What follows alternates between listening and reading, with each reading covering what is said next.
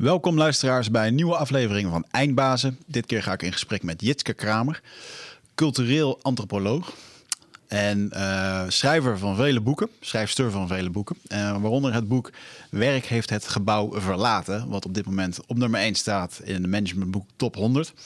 Um, voordat ik met jou in gesprek ga, wil ik eventjes de sponsoren van onze show bedanken. En dat is uh, Matinique.com, die mij vandaag ook weer aangekleed hebben.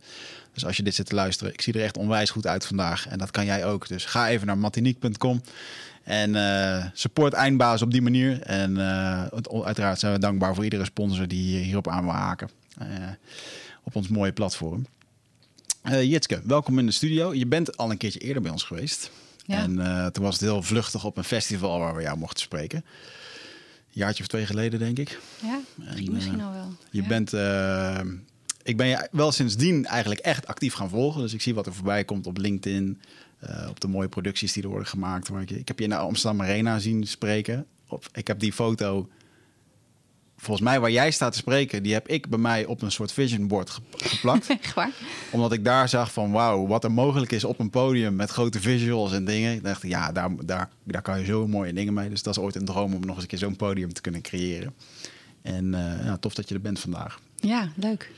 Um, ja, waar wil ik het over hebben? Jou, ik denk dat het meest relevante zou zijn... Uh, je hebt een boek geschreven en uh, Werk heeft het gebouw verlaten. Heb je volgens mij een heel rap tempo geschreven. In tien dagen. Tien dagen tijd. Ja. Uh, maar goed, je hebt, al, je hebt natuurlijk al een hoop boeken hiervoor geschreven. Building Tribes, over corporate tribes als het ware. Ja. En uh, dus je, je, hebt het wel in de vingers hoe je een boek moet schrijven. Maar tien dagen is wel echt heel erg vlot. Dat is heel snel. Wie heeft jou die, uh, wie heeft jou die klus gegeven? Mezelf. Ja, ja ik, ik uh, nou ja, net als iedereen. Ik ben spreker, uh, ondernemer. Dus corona die gooit de hele tijd mijn agenda overhoop. En ik had mezelf min of meer nieuw uitgevonden. Dit najaar had ik weer allemaal dingen staan waar ik zin in had. Wat hybride dingen, dat ik konden weer. En toen kwam die, die tweede lockdown. En toen knalde alles er weer uit. En toen had ik hem echt wel zitten. Toen dacht ik, ik heb weet je, waar is mijn veerkracht? Wat ik, ik, ik zat niet goed in mijn vel. Ik, ik was waar gaat dit heen? Hoe lang duurt dit nog? Hmm. En eigenlijk had ik ook zoiets van: ik had heel veel mensen gesproken over dit thema. Ik ben bezig met een heel ander boek, een lange termijn boek. Maar dit kwam de hele tijd tussendoor. En toen dacht ik, weet je, ik heb gewoon eigenlijk ook gewoon adrenaline nodig. Laat ik iets doen. Ik had tien dagen staan om iets te doen, eigenlijk om uit te rusten. Maar Hmm. ik dacht van, nee, ik ga die tien dagen benutten. Dat is een hoofdstuk per dag. Uitgever meegenomen in dit uh, wilde plan. Maar ik heb gezegd, ik ga het schrijven, maar dan moet het voor 1 december in de winkel liggen. Want het gaat over nu. Ja. En dus waarom ik het heb gedaan in tien dagen is heel gewoon primair gewoon energie van iets krijgen. En de andere is dat ik dacht van ja, ik wil deze tijd vangen. En je, sommige boeken schrijf je in een jaar of twee jaar en dat is boetseren. Ja. En dit is meer gewoon de snelle schets, een etnografie zou je vanuit de antropologie zeggen over wat speelt er nu, wat hebben mensen nu nodig, wat zie ik. En uh, daarmee ja, een, een tijdsbeeld ja. pakken ook. En uh, dat is gelukt, denk ik. Ja, mooi. Heel, act heel actueel uiteraard ook.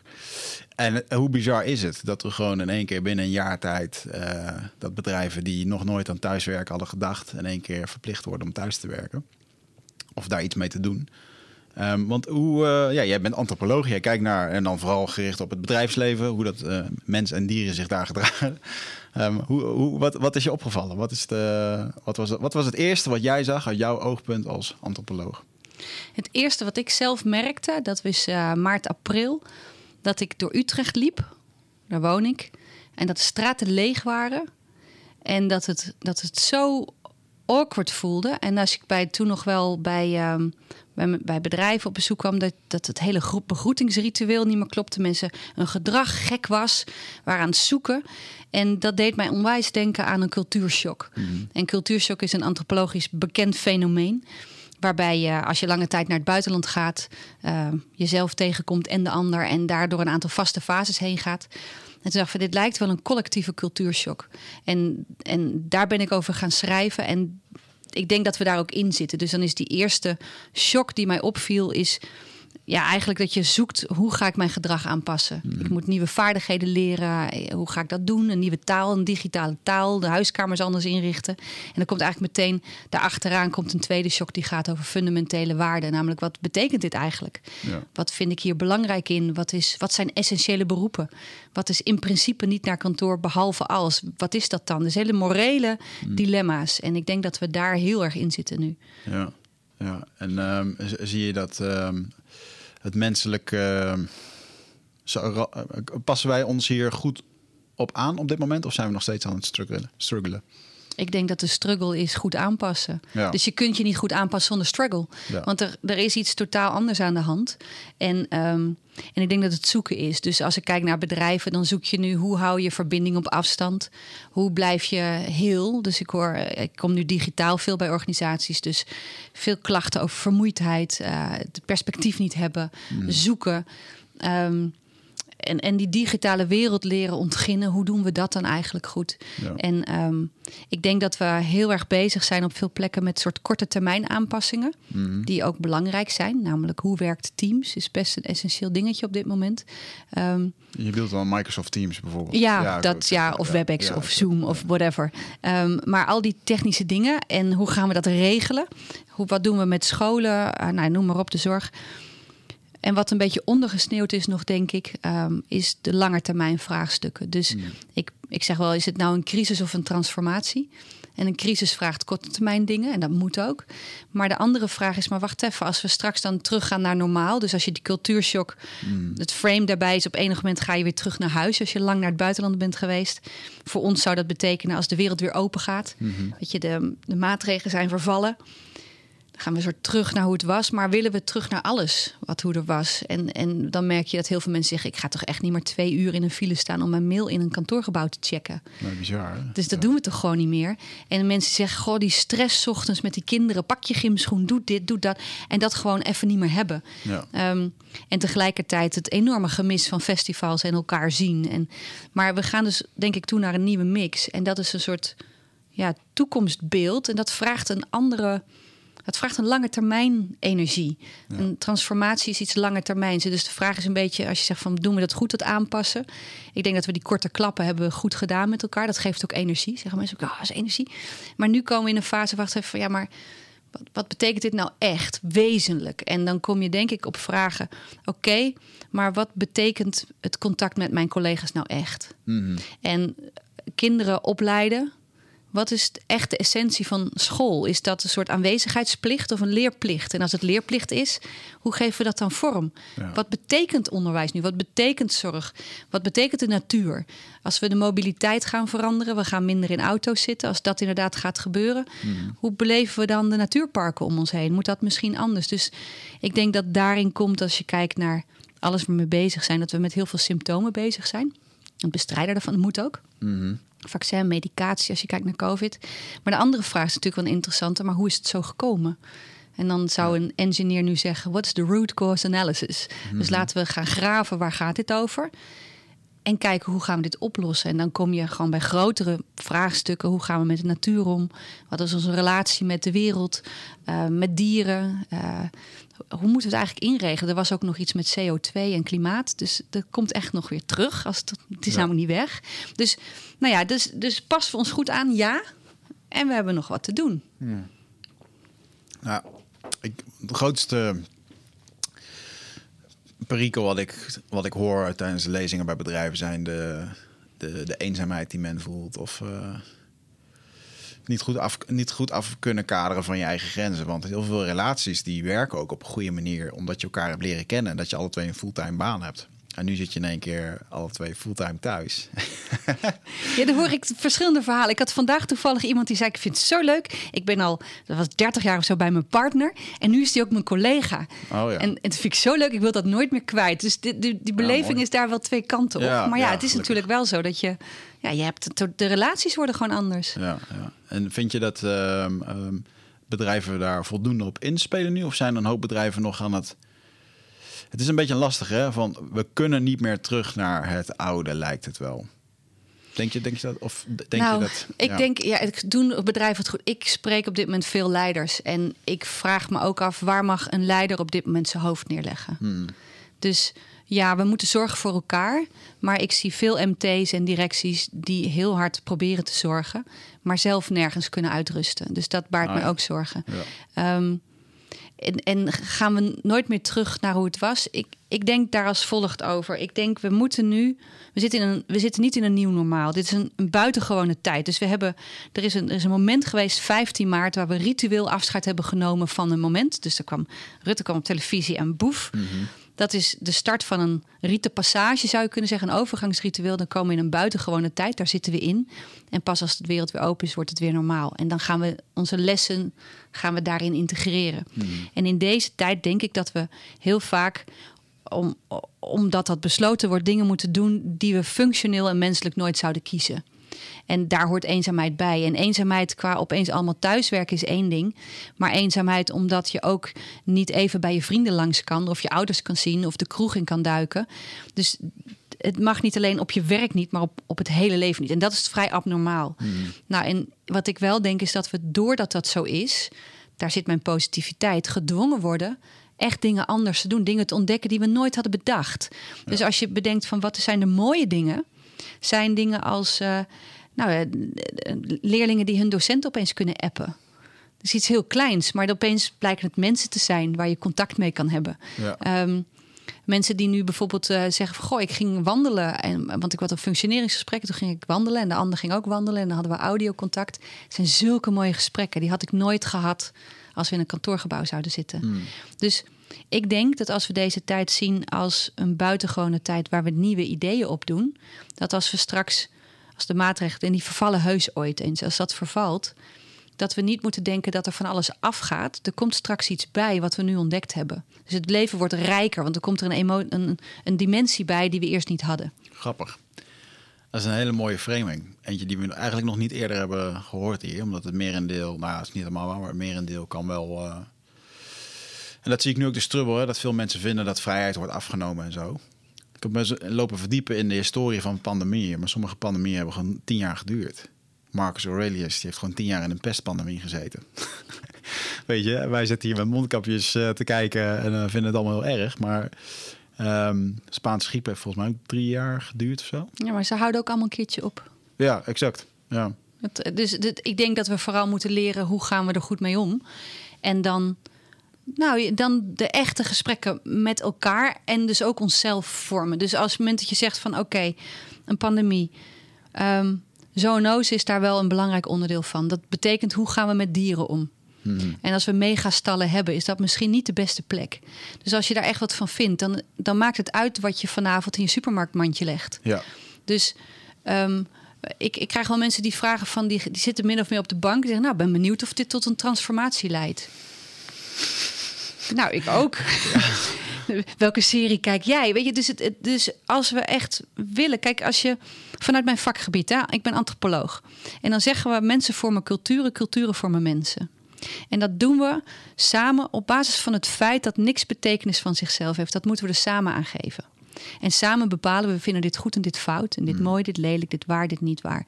En als we dat soort dingen belangrijk vinden en waardevol, dat zijn de waarden, dan hebben we, er hoort daar gedrag bij. Ja. En dat zijn de normen. En als we dat gedrag hebben, dan bouwen we constructen om ons heen. De procedures en de formulieren en de, de, de gebouwen. Waar daar stolt dat wat wij belangrijk vinden, stolt het in de wereld om ons heen. Dus als we dingen anders willen, dan moeten we gaan herstollen. Dan moeten we zeggen, het gebouw klopt niet meer, de procedure klopt niet meer. Maar dat gaat dus ook, ons gedrag moet dan veranderen. En wat betekent, wat is dan waardevol? Ja. En dat proces vindt plaats in interactie en besluitvorming. Want dat is hoe culturen vormen. Ja. Dus op de bank gaan zitten wachten wat er gaat gebeuren. Dus echte gesprekken, maar dan echte gesprekken waar alle perspectieven gehoord worden om vervolgens tot besluiten te komen. Wat gaan we er dan mee doen? Ja. En niet alleen besluiten die een ander eh, ja, invlo- invloed hebben op het leven van de ander, maar ook op onszelf. Ja. En dat is, dat is het moeilijke gesprek, denk ik. Ja, en, en eh, is dat ook nu het... Ik denk dat een hele hoop... Wat ik zie, dat er een hoop verdeeldheid is in de mening over hoe het zou moeten zijn. Dat is ook wel logisch, want iedereen wordt natuurlijk verschillend geraakt. Hè? Iemand die nu een kroeg heeft of een restaurant, die, die, zit, ja, die heeft er meer moeite mee dan iemand die ehm, gewoon door kan draaien of mondkapjes verkoopt of, eh, weet je, of een digitale onderneming heeft. Dus ik, ik snap ook wel als ik daarin zit te kijken dat iedereen het vanuit zijn eigen koker, eh, koker vertelt. Maar wat me vooral opvalt is dat, dat mijn conclusie is dat een hele hoop mensen er nu achter komen dat hun zelfredzaamheid op gebied van emoties, financieel gebied, uh, werk, inkomen, dat soort dingen. En, en misschien ook wel nou, wat er in, in het landelijk gebeurt. Dat ze er misschien wel mee geconfronteerd worden dat het best wel laag is. Of best wel moeilijk is. En, en als dan in één keer jouw buitenwereld, hè, normaal alle kaders voor je bepaalt. En dat valt nu in één keer weg. Ja, dan word je dus in één keer, dan word je dus in één keer wordt er een beroep gedaan op je eigen zelfredzaamheid. Of om daarover na te denken. En ik denk dat dat echt heel veel teweeg brengt bij, uh, bij mensen. Ja, je zelfredzaamheid, maar ook de wederkerigheden en de reciprociteit die er leven. Ik, ik vind Anthony Giddens, dat was, is een, iemand die heeft ooit een boek geschreven, The Consequences of Modernity. Dat heb ik tijdens mijn ah, studie moeten lezen. Interessant. De consequenties van moderniteit was een, een, een, boek met een groene kaft en heel ingewikkeld. Dat is wat ik me van herinner. Maar de, de, de basis is, en daar moet ik deze dagen veel aan denken, de consequentie van het moderne leven, en hij zegt het mooier dan ik nu, is dat je moet vertrouwen op de expertise van anderen. Als ik bedenk wat ik vandaag heb gegeten, dan vertrouw ik erop dat de fabrikanten daar goede dingen in hebben gedaan. Ik heb het niet gecheckt. Ik ben hier met de auto naartoe gekomen. Ik heb geen idee hoe dat ding werkt. Ja, ik weet hoe ik op aan en uit moet doen. En dat ik, maar hoe die feitelijk werkt, dat weet ik niet.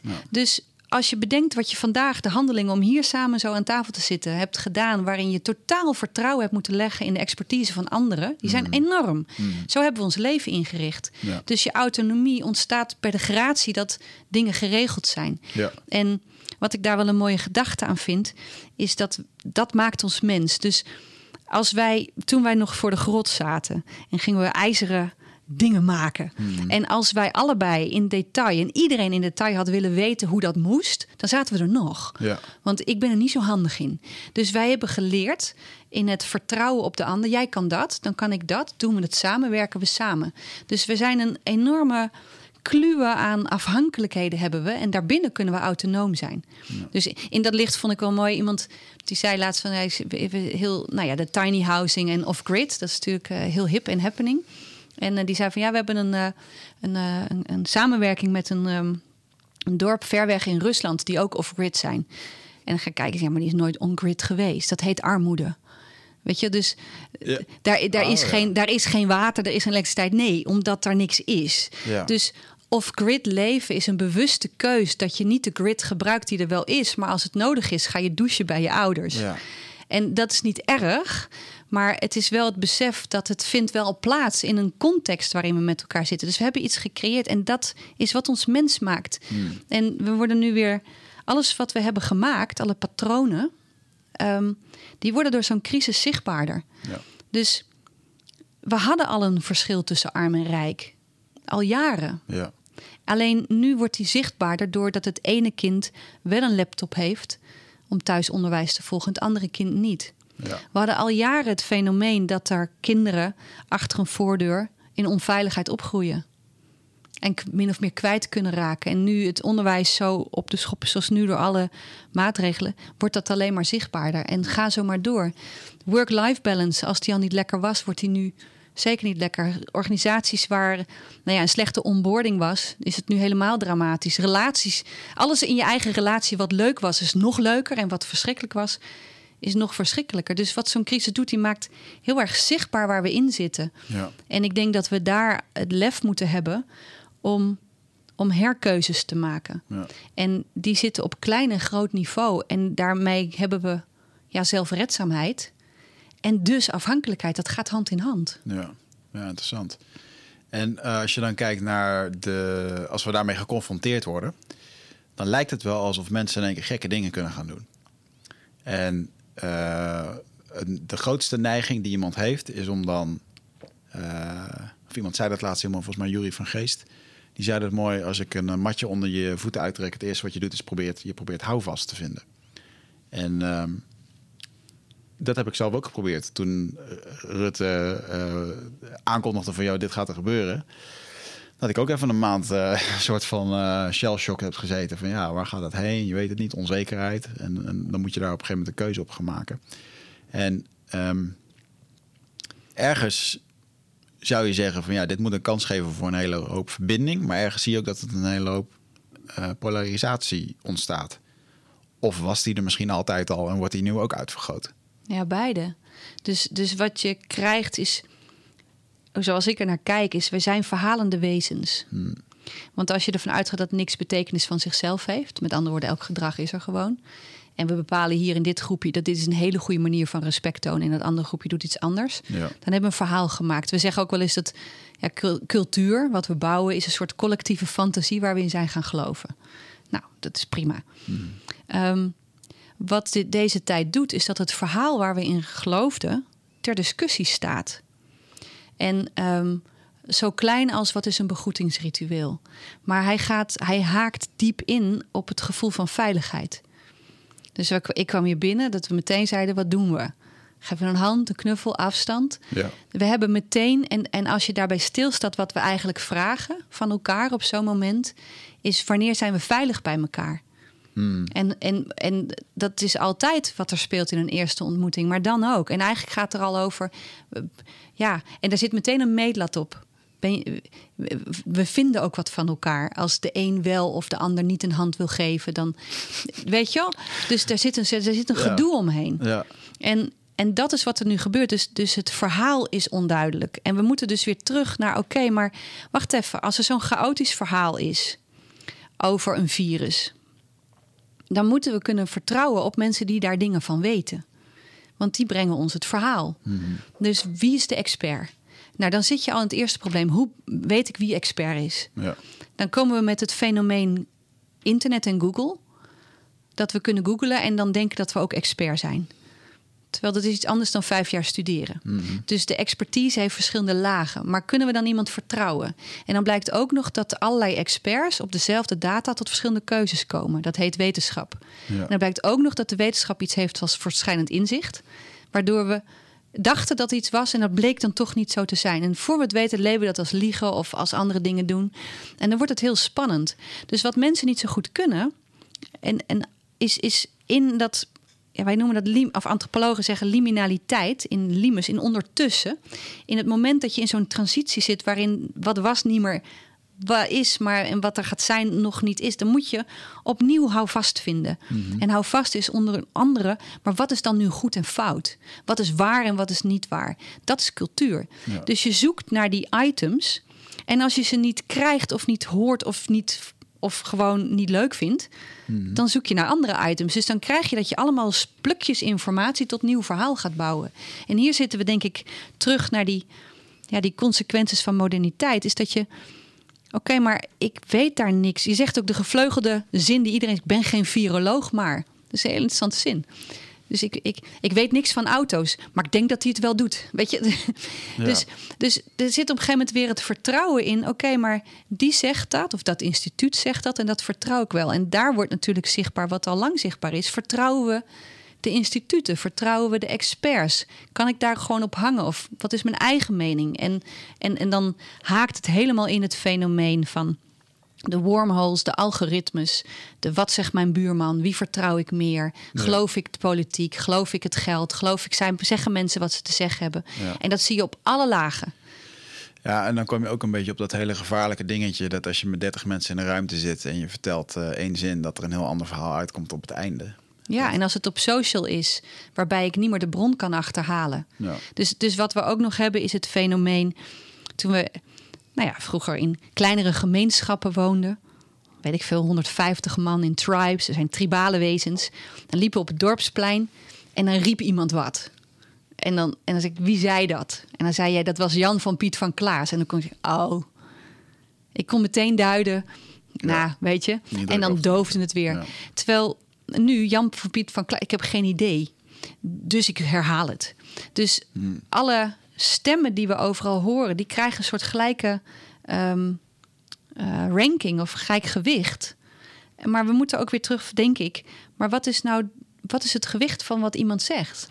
Ja. Ik, wil- ik kan wel iets roepen over iets, maar ja, ik weet niet over alles heel veel. Ja. Dus, en hoe krijg ik dat weer terug? En dat is, dat is denk ik waar we nu in zitten. Dat is belangrijk. Ja, ik denk dat sociale media... Moet je voorstellen dat we deze pandemie hadden zonder sociale media. Dan was het heel anders. Een stuk rustiger. Dat denk ik wel, ja. Ja, Ja, ja. Dus had je af en toe een pamflet? ja. ja waar je ook nog je vraagtekens bij kan zetten. Maar wat, wat ehm, eh, zie jij de impact... Ja, social media is dan ook wel een apart film. hè? Heb je die film eh, The Social Dilemma gezien? Ja, gescand, maar ja, gezien. Ja, maar je, je kent de problemen Ja. van de algoritmes en de, en de dingen. En, en wat, ehm, ehm, wat, is jouw advies, wat is jouw advies om daar helder naar te kijken? Nou, als, als, het niet, als, dat er, als daar een waarheid als daar in is. hoor, want, eh, ja. Nee, ik denk dat een van de dingen is, is en dat is een hele lastige, maar weer teruggaan. Oké, maar wat is de expertise van iemand? Mhm. En daar weer vertrouwen in hebben. Nou, dat zijn twee zinnetjes die al ingewikkeld zijn. Maar die gaan nogmaals van klein tot groot. Dus in het klein, ehm, wij hebben een team, wij hebben een ruimte samen in te richten. En we moeten dan samen bedenken van oké, nou welke kleur gaat er op de muur? En stel jij hebt vier jaar interieurdesign gedaan. Je hebt er echt voor geleerd. En jij zegt nou, dan moet, wat is het, eh, bruin op de muur. En ik, ja, maar ik vind geel veel leuker, maar ik, heb, ik weet er niks van. Kan ik op zo'n moment vertrouwen op jouw expertise? Of heb ik ook een mening? Ja. En ik denk dat, dat dit fenomeen op alle lagen, op allerlei besluitvormingsdingen zit. Dus, dus ja, alle stemmen tellen. Ik, ik, nou, ja, Deep Democracy is een boek wat ik heb geschreven, wat hier echt over gaat. De wijsheid van de minderheid, alle stemmen horen. Ehm, maar dat betekent ook weer het gewicht van de stemmen horen. Dus alle stemmen horen betekent ook horen wie, is, wie heeft daar ervaring in. Wie vindt daar wat van? Wat zijn de verschillende belangenconstructies? En daar helder in zijn. Dus die helderheid, dat hebben we denk ik nodig.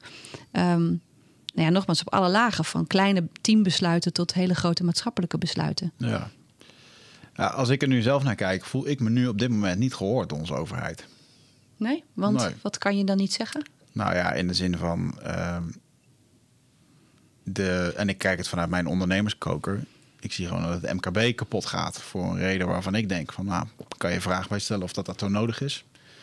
Gelukkig heb ik een podcast waar ik hele wijze mensen interview die, dan, die daar wat over kunnen vertellen. En eh, ja, toch na al die gesprekken denk ik dan: oké, ik ben geen viroloog, maar Ja, maar dat, maar dat is natuurlijk Weet het je? lastige. dus dat is dan mijn ding, weet je wel. En, ehm, de, maar ik voel dan wel, eh, eh, en natuurlijk, ze zeggen dan wel je kan stemmen en zo. Maar ehm, hier in dit stadium mis ik echt, oké, ik heb DigiD.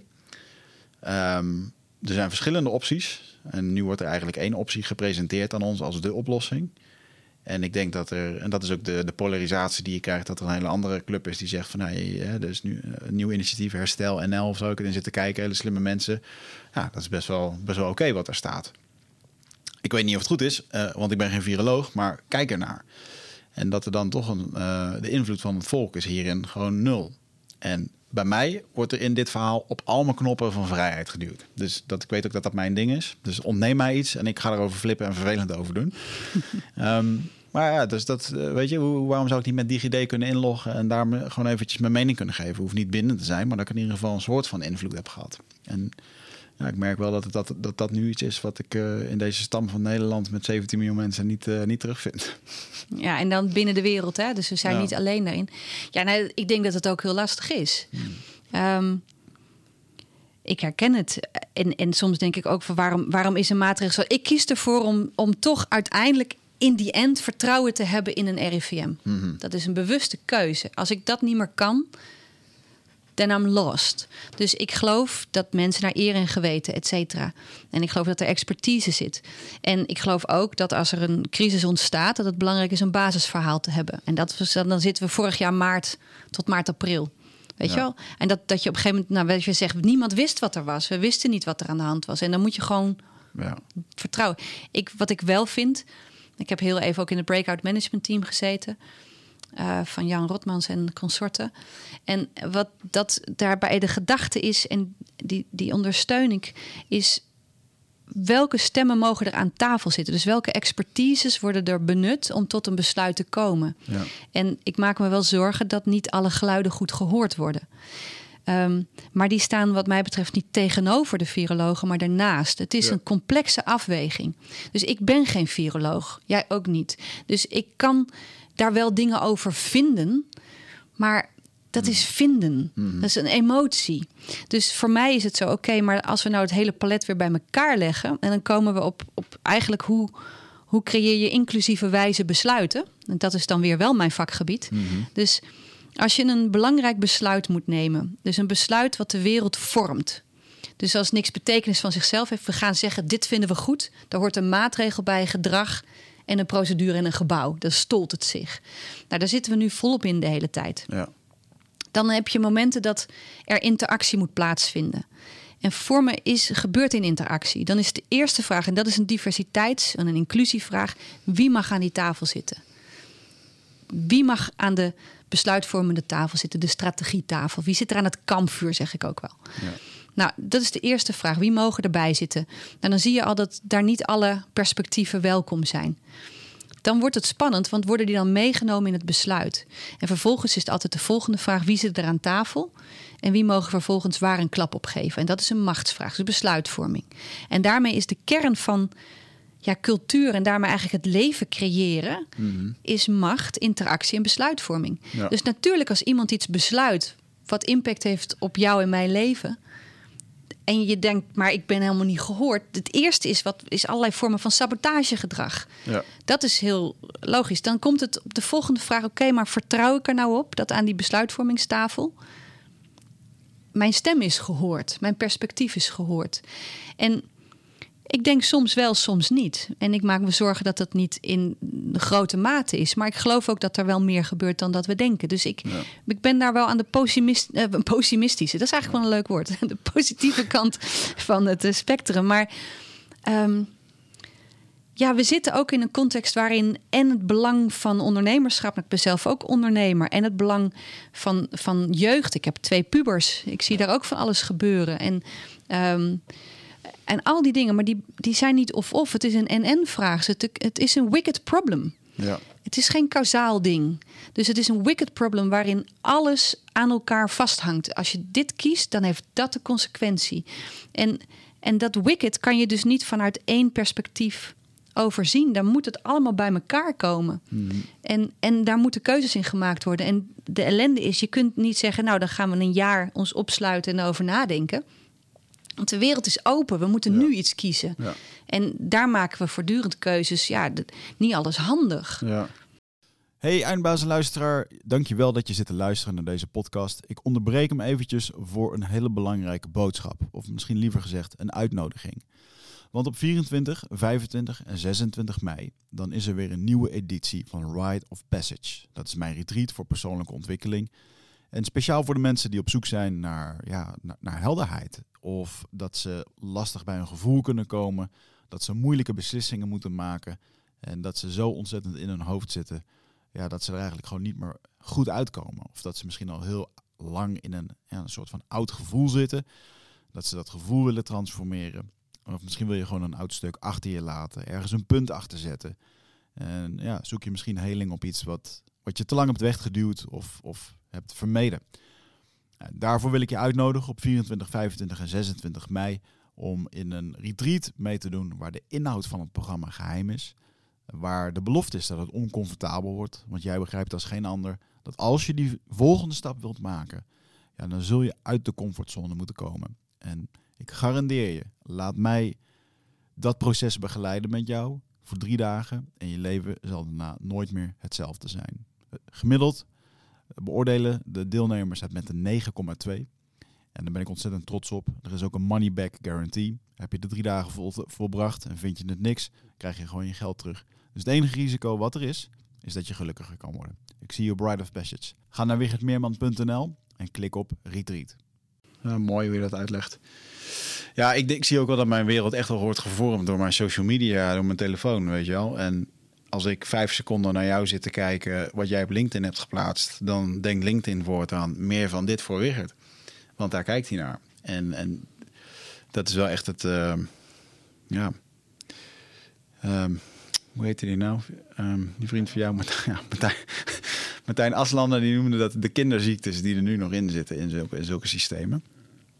Maar ik denk wel dat eh, eh, ik probeer er juist een beetje afstand van, nu, van te nemen, omdat ik ook zie dat het, Het, is, het, het voedt inderdaad, het lijkt alleen maar de koker te voeden waar ik in zit. Ja, en, en als je dat dan in een context doet waar we in zitten van chaos. Ja, Want dat is, het is een transformatie. ja. Daar hebben we niet om gevraagd. Maar er is een soort ik zeg wel, een, een veranderproject. Wat opeens is begonnen zonder dat we geconsulteerd waren. ja, Eh, dus nou, daar zitten we dan maar mooi mee. ja. Ehm, en, en in die tijd is er dus chaos. Want wat gaan we doen? De, de dingen moeten op de schop.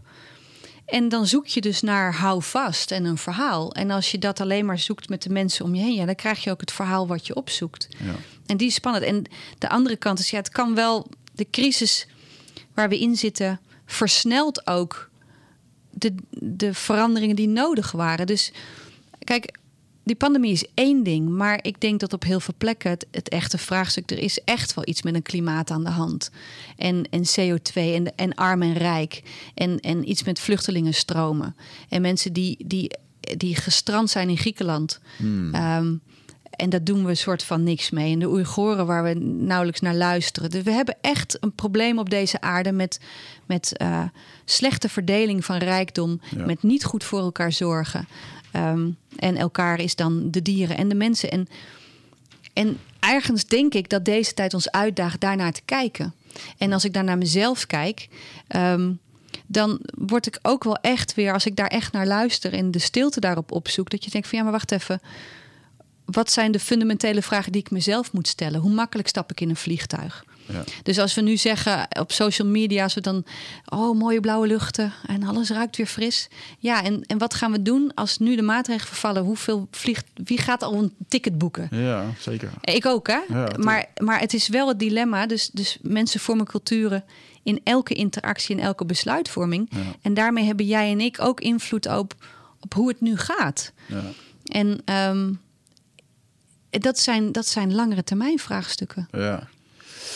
Onlangs keek ik een eh, Amerikaanse mevrouw die beschreef dat heel erg mooi over dat eh, eh, sommigen die, die vrezen dat we nu, sommigen willen dat we heel graag naar een wat communistischer, marxistischer gedachtegoed gaan, waarbij inderdaad dat, je, wat minder bezit en dat je wat meer en dat er meer, verdeel, meer verdeling is.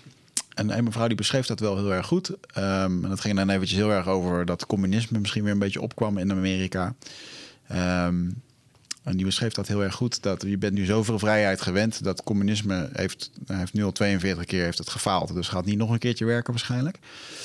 Ehm, maar wat we eigenlijk willen is democratie.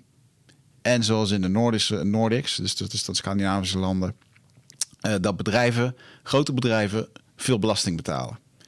Dat is eigenlijk waar een hele hoop problemen op gefundeerd zijn. En dat jij straks gewoon 9 euro voor je biefstuk betaalt in plaats van 3 euro. Of voor dat vliegticket, dat het gewoon wat duurder wordt. Dat, dat zouden volgens mij de reële, re- reële oplossingen moeten zijn die redelijk voor de hand liggen. Ja. Maar zolang wij nog die kiloknallers. Ja, dat, en daar doen we dus zelf van mee. ja, zeker. Dus als we op een feestje zeggen, ah, is zo erg. En ondertussen tikken we de kiloknakker eh, op de Ja. barbecue. Dan denk ik, ja, maar dat is incongruent. ja, Dus ja. doe dan, put your money where your mouth is. Dus, en dat, dat niet alleen op de bank zitten. ben benieuwd wanneer die, die grote bedrijven dat nou gaan doen met elkaar. Ja, Dus, dus dat doen we echt samen. ja. En, ehm, en er zijn dingen die groter zijn. Dus, dus nou ja, belasting is één maar waarop, eh, waarop eh, heffen we dan belasting? Op grondstof, op arbeid bijvoorbeeld. Dat is ook zo'n prachtig voorstel waar Femke Groothuis onder andere mee bezig is. Is van ja, je kunt op een gegeven moment zeggen van we kunnen. Kijk, arbeid is nu heel, du- heel duur en grondstof relatief goedkoop. Als je het belastingssysteem omtikt, dan wordt het veel goedkoper om iets te laten maken dan iets te vervangen. ja. Nou, als we dat echt vinden en daar consequent, nou, je hebt een, een Apple, ik heb ook, ben ook een, een Mac, ik, heb, ik hou erg van Macs, maar het meest duurzame bedrijf kunnen we het toch niet noemen, zullen we Nee, zeggen. is gewoon door een elfjarige in elkaar gezet in China. hoor. Ja, en ook nog zo gemaakt dat het over, op enig moment gewoon vast gaat lopen en je wel iets nieuws moet. Ja, En we kopen het wel gewoon. ja. Dus we zijn zo incongruent als de pest Ja, met z'n allen. En, de, en daarin denk ik dat, nou ja, voor mij in ieder geval deze tijd. ehm, met alle moeilijkheden die het heeft. En de eenzaamheid die het heeft. En alleen thuis zijn. En nou ja, ik heb, ik zei twee pubers, daar heb ik veel gesprekken mee. Eén begint te studeren, ander probeert zijn eindexamen te, bij elkaar te YouTuben. Dus weet je wel, dat is gewoon ingewikkeld. En tegelijkertijd heb je daar de gesprekken, maar waar gaat het eigenlijk over? En wat ik, ik las ergens, dat vond ik wel een interessante gedachte, een shockende gedachte, is dat ehm, de midlife crisis in deze tijd vervroegd wordt. Veel meer mensen hebben daar nu last van. Ja. En gisteren had ik een intake met een internationaal bedrijf. Die zeiden ja, wat zij heel erg horen is dat mensen niet alleen veel stoeien met de vraag de zin van werk, maar Ja. überhaupt de zin van het leven. Ja. Wat doet er nou eigenlijk nog toe? En, en dat is, ja, dat is dan voor mij weer het goede nieuws. Dat is de kern van een fase die liminaal heet, die het ondertussen heet. Het is de kern van een transformatie. Ja. Is dat we ons afvragen ten diepste: what the fuck are we doing? Ja. En daar zit het fundamentele stuk. Als we daarop herkeuzes maken, dan ga je dingen niet meer doen. En ehm, ik was, ik was tw- twee jaar geleden in Togo op bezoek bij voodoo-priesters. Op uitnodiging. Om te ervaren en te snappen wat voodoo is. En ik heb daar veel rituelen doorgemaakt. En ik was daar om te snappen hoe het werkt. En ehm, ik weet nog dat ik één moment met een geitje op schoot zat. Een uur lang. ehm, waarvan ik wist, het is mijn zondebokje. Oh, grappig. Dat wist je of dat werd ook verteld dat dat, dat moest nou, dat was wel duidelijk. Ja. Oké. En in dat ritueel, is een rit- ritueel van 14 uur. Ehm, eh, waarbij ik eh, ongeveer halverwege was. In het eerste deel van het ritueel was een ander geitje geofferd. Ehm, die had ik niet op schoot gehad. Dus daar vond ik, nou, dat vond ik zielig. Ja. Maar, en toen kreeg ik een geitje op schoot waar ik achteraf, dat wist ik toen nog niet, een uur mee op schoot heb gezeten. En ik had alleen een panje aan, dus dat is een, dun, dunne doek. Lag tegen mijn buik. Was een babytje. Keek me aan. Ah. Ik terug. En dat je denkt, ik wil dit helemaal niet. Ja. En ik wist, dit, dit, dit vlees wordt, door, wordt opgegeten. Ja. Wordt niet weggegooid. Dus het komt goed. Het is hetzelfde als in de supermarkt vlees met cellofaantje. Het, is, het is hetzelfde. En ik at niet heel veel vlees, maar wel, ik at wel vlees. En ik zat met het geitje op schoot en ik dacht, ja, ik wil eigenlijk helemaal niet dat er iets voor mijn geluk gedood wordt.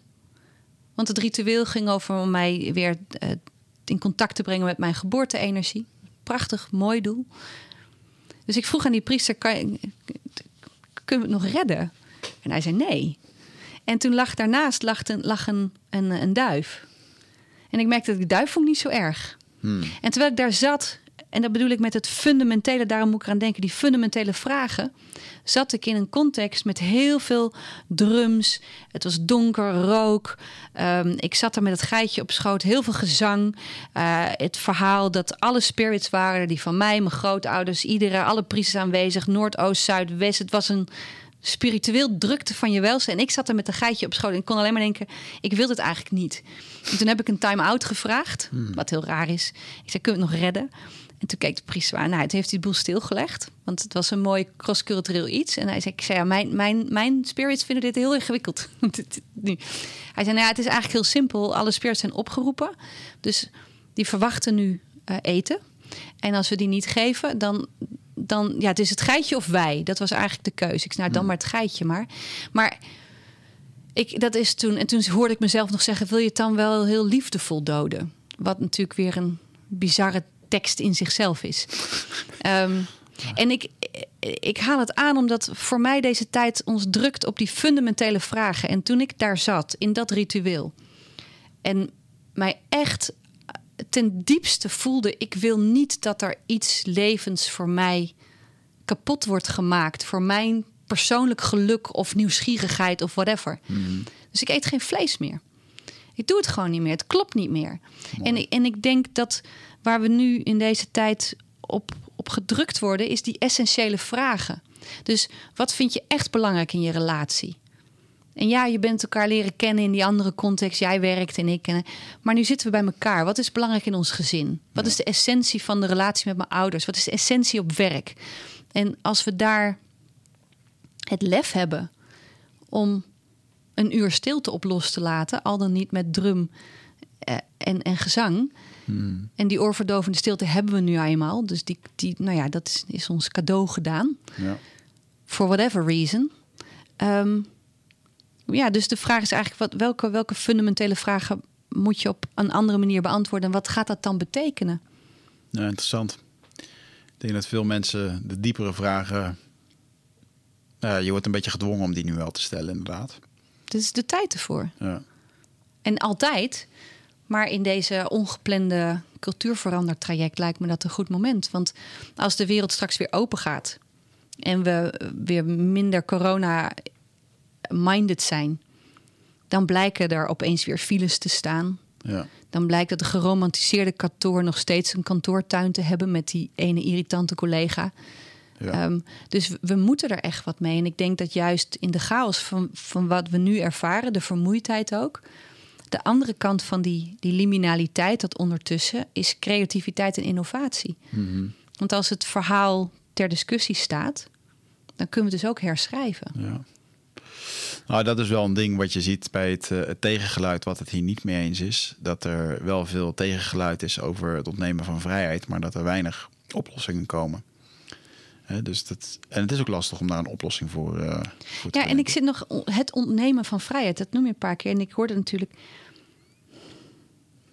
Ik weet niet of het daarover gaat. Het ontnemen van vrijheid. Nou, dan moet ik het misschien ver- verbeteren. Kijk, mijn perceptie is dat we. ehm,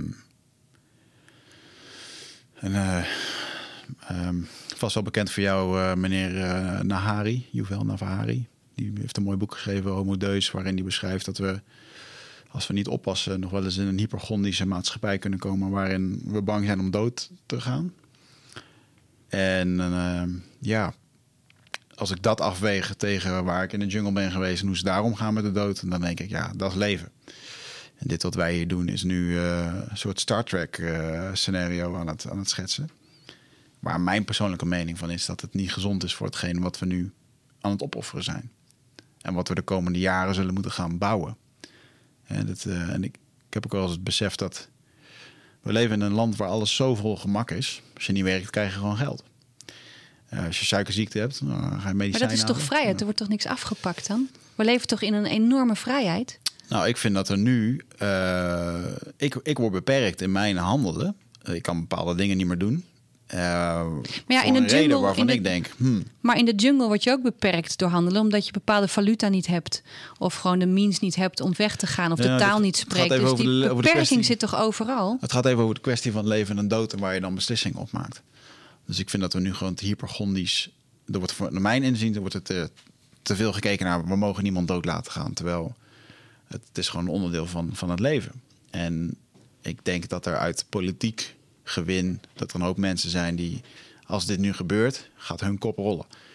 En dat vind ik sowieso wel een eh, interessant fenomeen met, met politiek. Hè? Dat je je vanuit een in- intrinsieke motivatie ergens hard voor probeert te maken. En misschien doe je dat ook wel binnen een bedrijf of als leider binnen een organisatie. En vervolgens wil je naar die top toe, wat een gezonde ambitie is. Ehm, maar om aan die top te komen, zal je af en toe ook je ruggengraat, en zo komt het een beetje over, moeten laten vieren. En dat is natuurlijk wel een democratie. Eh, maar ik, ik zie dat het dan op een gegeven moment een soort van positiebehouden spelletje wordt. Waardoor je keuzes gaat maken om eh, ja, dus dingen af gaat schuiven, geen verantwoordelijkheid nemen. En, en misschien is het ook wel door de grootte van het Nederlandse politieke stelsel dat dat zo is. Want bij zo'n stam waar 135 mensen zijn, daar, daar kan men je gewoon veel sneller wegstemmen. Heb je geen digité of een stemformulier Ja. voor nodig. Nee, Weet geen salarishuis Dus waar je in misschien, eh, misschien, misschien is het menselijk dat, dat, dat, dat dit mij zorgen geeft. eh, omdat we hier eigenlijk niet voor gemaakt zijn, zulke grote structuren. En wel, we doen het ook al jaren. Ik denk, ik, voor mijn gevoel, wat, wat ik heel erg zie, dat het niet zozeer over leven of dood gaat. En hoe, ik moet heel erg denken aan zo'n heel oud verhaaltje. Dat je staat langs de kant van een spoorlijn. En er komt een trein aan denderen. Jij staat bij de switch. En de trein dendert af op, laten we zeggen, drie mensen. En je kunt hem omdraaien en dan, dan maakt hij er maar één dood. En het is aan jou de keuze.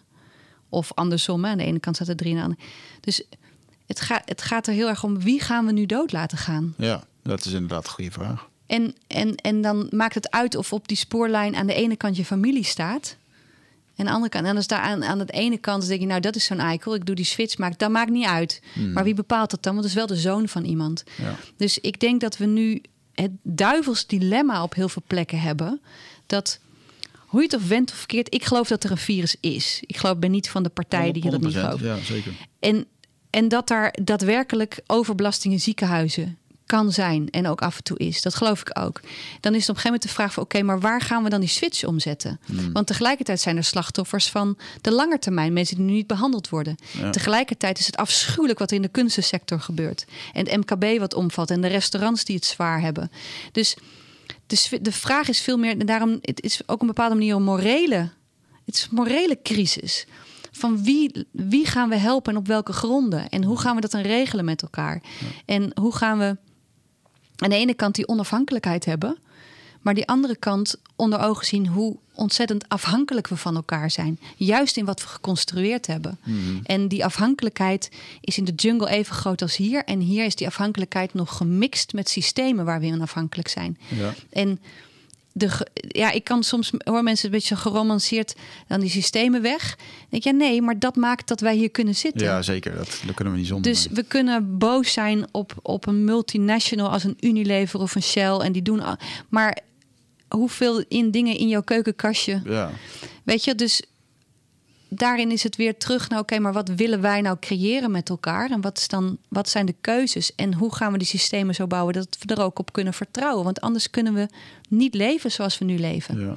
En, en voor mij persoonlijk denk ik, ja, heel veel mensen zeggen: ik vind het heel fijn om terug naar zelfvoorziening en mijn eigen tuin en mijn eigen dingen verbouwen. Eerlijk gezegd, ik vond mijn schooltuintje al afschuwelijk.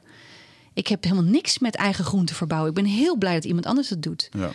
Laat mij een boek schrijven. Laat mij gedachten op, op papier zetten. Laat mij praten. Laat mij met muzikanten werken. En ondertussen kan ik eten wat iemand anders heeft die daar heel blij van wordt. Ja. Dus ik, ik, ik ben heel blij van de afhankelijkheden die we hebben. Maar dat vraagt wel vertrouwen dat iedereen het goede doet. En, en dat is waar het nu wat aan schort, omdat het soms niet zichtbaar is. Ja. En ik weet niet of dat dan is omdat mensen het expres gemeen en fout doen. Of gewoon super onhandig. Of eigenlijk wel goed, maar zo transparant dat we het niet begrijpen. Nou, ergens in dat spectrum zal het wel zitten. Maar wat ik sowieso denk, en dat, en, nou ja, dat, dat is op alle lagen, dat we veel meer ons best moeten doen voor inclusieve besluitvorming. En daarom denk ik dat een thema als diversiteit, wat nou ja, al jaren met ons meeloopt, maar nu toch behoorlijk wat explosief is, alleen al bij Black Lives Matter, bij Me Too en bij alle andere dingen, is dat de, het belang dat we al die perspectieven horen zo groot is. En, ehm, en juist in een samenleving waar we nu weer nieuwe keuzes kunnen maken. En wat ik daar. The Good Ancestors, een boek, ik kan de titel niet vaak genoeg herhalen. Prachtig boek, Roman Krnacnic. Ik Ja, zeg zijn achternaam niet goed. The Good Ancestor. En hij haalt allerlei eh, wijsheden van de wereld eh, aan, eh, antropologische elementen. En wat hij aanhaalt, is een bekend gegeven. Maar ehm, dat in die inclusieve besluitvorming neem je iedereen mee die impact heeft van wat jij besluit. En die stem moet je horen. Nou, dan denk je aan de impact van afdeling X en bedrijf zus en de buurvrouw. Maar wat veel tribes doen over de wereld, die zeggen die impact gaat ook zeven generaties na Ja. ons. Het verhaal, ja. ja. Seven generations. En laten we die dus aan tafel zetten. En ehm, wat zou er dan gebeuren? Dus welke keuzes maken we dan nu? En Ja. ik denk dat, dat we nou ja, in deze tijd niet alleen alle experts aan tafel moeten hebben waarvan wij vinden dat die een stem moeten hebben. Maar die blik naar de toekomst. En dat niet alleen maar wachten tot iemand in een kamertje dat doet, maar gewoon aan de keukentafel. Ja. ja, dat is een mooie vraag. Ook voor de luisteraars, wat ben je nu aan het doen? Wat nog eventjes na echoot zeven generaties verder. Ja, koop je dan nog dat blikje Ja, of dat flesje water? Zo simpel is het. ja, Dus, dus eh, ja, en, en, en ik, als ik naar mezelf kijk, weet ik hoe ingewikkeld het is. Want ik koop wel dat flesje water als ik onderweg ben. ja. Maar steeds vaker denk ik, ik koop wel dat flesje water. Ja, ja, nou ja, ik kijk af en toe naar mijn plastic eh, afvalbak en dan denk ik, jezus, één week, weet je wel, drie van die zakken erin. Ja, Heel Nederland doet dit. Waar gaat dit eigenlijk naartoe? ja. En dan, en dan voor het weet hebben we dus die, die buurtbarbecue en zeggen we erg, hè? En dan proosten we erop en hebben we goede filosofische gesprekken met de kiloknallers. Ja. En we hebben het over de vakantie waar jij heen gaat en ik heen ga en waar we gaan vliegen. En, en ik doe daaraan mee. Ja. Maar ik denk dat deze tijd ja, vraagt om congruentie en, en in de samenleving, maar nogmaals op alle niveaus. Ja, Gezinnen. Eh, gezinnen ook, ik, wat ik wel mooi vind, is ik sprak iemand die zei van ja, weet je, zo lekker dat de weekenden zijn nu rustig. ik heb blij kinderen te hebben. En die praten ook terug. En we hebben gewoon lunch samen. Ja. En niet al die sportclubs en niet allemaal dit en dat. Zo lekker. Ja. Toch? Ik wou dat het zo kon blijven. En ik, maar dat, daar ben je toch bij? Ja. Dus straks gaat die wereld open. En dan gaan al die sportclubs open. Dan kan je kiezen of je er wel of niet heen gaat. Dus ik, daar bedoel ik van dat we er iets bij krijgen. ja, zeker. We hebben keuzes. En als straks de wereld weer open is, dan kan je de, de FOMO, de fear of missing out. Oh, dan moet ik wel allemaal druk. Dat hoeft niet. Ja. Dan mag je kiezen. ja, dat is natuurlijk wel een sociaal, sociaal druk ding wat ja, maar, zit. maar dan, ja, maar, maar die sociale druk is cultuur. Ja. En die cultuur ontstaat in interactie en besluitvorming. En dan moet je op een gegeven moment mensen die zeggen: oh, Ik vind het zo fijn. Ik heb in mijn familie niet meer elke week een, een, een, een, een, eh, verjaardag. Ja. Dat het is lekker rustig. En als de hele familie dat lekker rustig vindt, dan moet je toch een familieberaad hebben. Zeg, zullen we dat structureel anders doen? We doen één verjaardagsdag, net als op de, op de lagere school, dat je de meester- en juffendag hebt. Ja. En dan vieren we alle verjaardagen en dat scheelt een hele hoop gedoe. Ja. Maar dat is dus, dat is hervormen, dat is herstructureren, dat is een andere cultuur creëren. Ja. En dat, dat vraagt pittige gesprekken, dat kan Ja. niet anders. Ja. Ah, mooi. Mooie kijk op eh, om het anders te zien in eh, deze tijden. Is er nog iets wat jij eh, kwijt zou willen aan onze luisteraars? We moeten een beetje gaan afronden. Ja, moeten, ja, wat zouden ze aan me vragen? Nou, ik denk dat. ehm, ehm, ik denk dat veel mensen vragen hebben over de toekomst. Hoe gaat de toekomst eruit zien? Ja, en, en, en dat weet ik ook niet. En ik merk dat die vraag mij veel gesteld wordt. En, ehm, en voor mij is dat een duiding dat we in de chaotische tijd waar we zitten, willen we orakels raadplegen. Ja, En orakels waren de, zijn de shamanen, het zijn de mensen die kaarten leggen. Het zijn de mensen die op één, bij op één verschijnen en met stoere taal zeggen hoe de toekomst eruit ziet. Het zijn de trendwatchers. Dus we zijn, niks menselijk is ons vreemd. ja, We zoeken naar duiding van de toekomst. En het enige wat ik denk is dat waar we op gedrukt worden, is dat we allemaal weer kunnen denken: hoe moet die toekomst er dan uitzien? Nou, je begon met een moodboard in dit gesprek. Dus dat ieder voor zich kan zeggen: wat betekent dat dan? En dat je, dat je het besef moet hebben: je hebt korte termijn vraagstukken die je nu tijdelijk moet doen, misschien crisishandelingen en die verdwijnen. Je hebt transformatievraagstukken, die wil je echt anders doen. En de dingen die je echt anders moet doen, dan zie je in ieder geval in, in, in tribale archetype dat daar heb je een aantal dingen nodig, maar onder andere de daadkracht, de besluitvormingskracht van een chief, van een leider. Nou, daar, dat is iemand die dat op zijn kaartje heeft staan, maar ieder van ons heeft leiderschapsdaadkracht. En de andere is de sjamaan, is de magier, is de kunstenaar. Dus als je wil weten hoe de toekomst eruit ziet, dan ga je te raden bij het orakel, het de sjamaan. Dus mijn eerste check zeg ik altijd: zorg dat je wel bij de goede zit. Want je hebt daar heel veel ellendebakken tussen zitten. Dus, dus check de expertise goed uit. Weet de kracht van degene die je, die je bevraagt. En spreek je eigen verbeeldingskracht aan. En je eigen twijfel over hoe het nu is. En de kunstenaarsblik die iets kan scheppen wat er nog niet is. En het laatste hoofdstuk van uh, Normale, of van Normaal is anders, mijn eerste boek. Het laatste hoofdstuk van uh, Werk heeft het gebouw verlaten. Dat heet Scheppingskracht. En die titel is heel bewust gekozen. De werktitel was Hoop, Geloof en Liefde. Maar dat, dat werd wat te bombastisch. Um, maar de scheppingskracht gaat het wat mij betreft over. En dat is iets waar ik in ieder geval de komende... Dat is de werktitel van mijn nieuwe boek. Dus daar ben ik mee bezig. Hoe, hoe kunnen we creativiteit aanspreken? Hoe, kunnen, hoe doen mensen dat in verschillende culturen? Wat is scheppingskracht eigenlijk? Hoe kom je daarbij? En wat het in ieder geval iets heeft, denk ik, dat het daadkracht in zich heeft. Mm-hmm. En magie. Dus als je wil weten hoe de toekomst eruit ziet, heb goede magische gesprekken. Ja. Droom en denk en ga die werkelijkheid maken stap voor stap. Mooi. Oftewel, het is aan jullie, luisteraars. Jullie moeten het gaan doen. Uh, dankjewel dat je hier was. Ontzettend leuk. Uh, ze kunnen jou vinden op... Uh, moet ik even kijken, ik heb je website niet bij de hand. Wat is je website? Nou, heel simpel. jitskekramer.nl, okay, humandimensions.nl, deepdemocracy.nl, jamcultures.nl of gewoon googlen. Oh, wauw. Ja. ja, dat is het beste. Gewoon even googlen en het boek kopen van, uh, van Jitske. En uh, ja, ik hoop je ook nog eens een keertje terug te zien in een uh, andere tijd... waarin we weer verder kunnen vo voortbeduren op wat het allemaal gaat worden in de toekomst. Dankjewel. Graag gedaan.